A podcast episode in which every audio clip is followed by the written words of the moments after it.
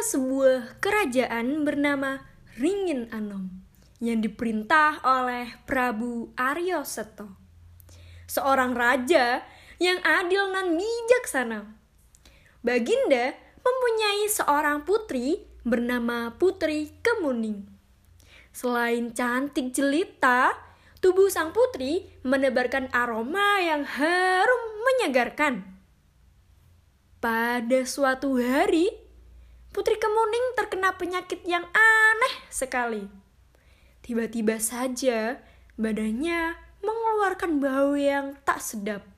Akan halnya dengan keadaan putrinya ini, Sang Prabu Arya Seto menjadi sedih.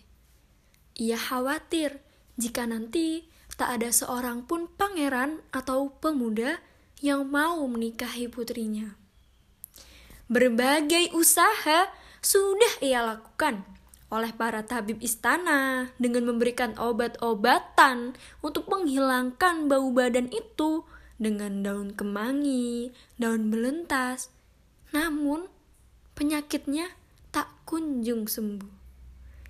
Bahkan sampai seluruh tabib yang ada di negeri Ringin Anom diundang dan tak ada satupun yang dapat mengobati penyakit sang putri tercinta.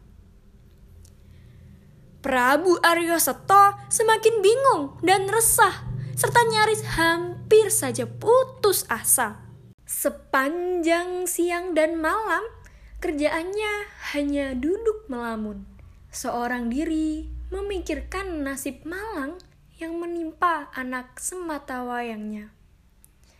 Di puncak keresahannya itu, dia segera melakukan semedi untuk mohon petunjuk kepada Tuhan yang Maha Kuasa, agar penyakit aneh yang menimpa putrinya dapat disembuhkan. Pada suatu malam, ketika sang Prabu Arya Seto larut dalam semedinya, lamat-lamat terdengar bisikan goib di telinganya. Dengarlah, wahai Prabu Arya Seto. Satu-satunya obat yang bisa menyembuhkan penyakit anakmu adalah daun sirna ganda yang tumbuh di dalam sebuah goa yang ada di kaki gunung Argo Dumadi. Keesokan harinya, Prabu Arya Seto segera mengumpulkan seluruh rakyatnya di alun-alun depan istana untuk mengadakan sebuah sayembara. Wahai seluruh rakyatku, kalian semua tentu sudah mengetahui perihal penyakit putriku. Tadi malam, dalam semediku, aku mendapatkan petunjuk bahwa putriku dapat disembuhkan dengan daun sirna ganda yang tumbuh di sebuah goa yang ada di kaki gunung Argo Dumadi. Dengan ini, aku umumkan Barang siapa yang dapat mempersembahkan daun itu untuk putriku, jika ia laki-laki, akan kunikahkan dengan putriku. Jika ia perempuan, akan kuangkat menjadi anakku. Kata sang Prabu di hadapan rakyat negeri Ringin Anom. Pengumuman yang sekaligus sayembara yang disampaikan oleh Prabu Aryo Seto membuat seluruh yang hadir menjadi gempar. Selanjutnya, Berita tentang sayembara itu pun menyebar hingga ke seluruh pelosok negeri. Banyak warga yang tidak berani mengikuti sayembara tersebut karena mereka semua tahu bahwa goa itu dijaga oleh seekor naga yang sakti dan sangat ganas. Bahkan sudah banyak orang yang menjadi korban keganasan naga itu. Walaupun demikian, tak sedikit juga warga yang mencoba memberanikan diri untuk mengikuti sayembara.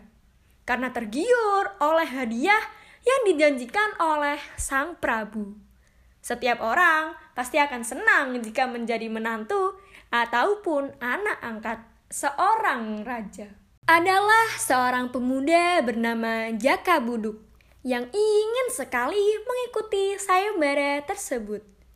Seorang pemuda miskin yang tinggal di sebuah gubuk reot bersama ibunya di sebuah desa terpencil di dalam wilayah kerajaan Ringin Anom. Ia dipanggil Jaka Buduk karena kulitnya penuh dengan buduk atau koreng yang tak sembuh-sembuh. Penyakit aneh itu sudah ia derita semenjak ia masih kecil. Walaupun demikian, Jaka Buduk adalah seorang pemuda yang sakti. Ia sangat mahir dan gesit memainkan keris pusaka yang diwarisi oleh armahum ayahnya. Dengan kesaktiannya itu, ia ingin sekali menolong sang putri. Namun, ia merasa malu dengan keadaan dirinya. Sementara itu, para peserta sayembara yang telah berkumpul di kaki Gunung Argo Dumadi untuk menguji kesaktian mereka dan mencari daun sinaganda yang dijaga oleh seekor naga sakti. Sejak hari pertama hingga hari keenam, tak satu pun peserta yang mampu mengalahkan sang naga. Pada hari ketujuh, Jaka Buduk dengan tekadnya yang kuat memberanikan diri datang menghadap raja. Di hadapan Prabu Arya Seto, ia memohon izin agar diperkenankan untuk ikut dalam sayembara. Baginda, I izinkan hamba mengikuti sayembara untuk meringankan beban sang putri. Pinta Jaka Buduk dengan suara gemetar karena ragu. Prabu Arya Seto tidak segera menjawab. Ia terdiam sambil memperhatikan Jaka Buduk yang tubuhnya dipenuhi oleh koreng. Siapa kamu, wahai anak muda? Dengan apa kamu bisa mengalahkan naga sakti itu? Tanya sang Prabu. Amba Joko Buduk, Baginda. Amba akan berusaha untuk mengalahkan naga itu dengan keris pusaka ini. Jawab Jaka Buduk sembari memperlihatkan keris pusakanya itu. Hmm, pada mulanya Prabu Arya Seto sempat ragu-ragu dengan kemampuan Joko Buduk ini.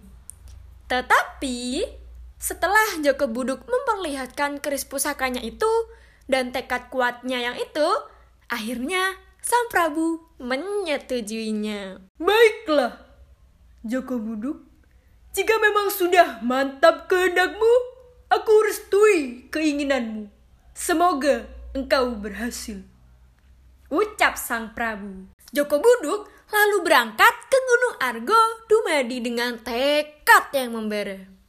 Ia harus bisa mengalahkan naga sakti penghuni goa dan membawa pulang daun sirna ganda. Ketika hampir sampai di kaki Gunung Argo Dumadi, dari kejauhan ia melihat semburan-semburan api yang keluar dari mulut naga sakti. Hatinya sudah tak sabar ingin membinasakan naga itu dengan keris pusakanya. Sesampainya di Moka Gua, Joko Buduk melangkah pelan-pelan mendekati sang naga dengan keris pusaka di tangan kanannya. Begitu ia mendekat, tiba-tiba sang naga menyerangnya. Dengan lincah, Joko Buduk melompat mundur tapi sang naga melanjutkan serangannya dengan semburan api dari mulutnya. Joko Buduk mengelak ke samping kiri, merasa serangannya tak berhasil mengenai lawan. Sang naga segera menyerang Jaka Buduk bertubi-tubi, membuat lawannya kerepotan. Sehingga akhirnya habislah kesabaran Joko Buduk.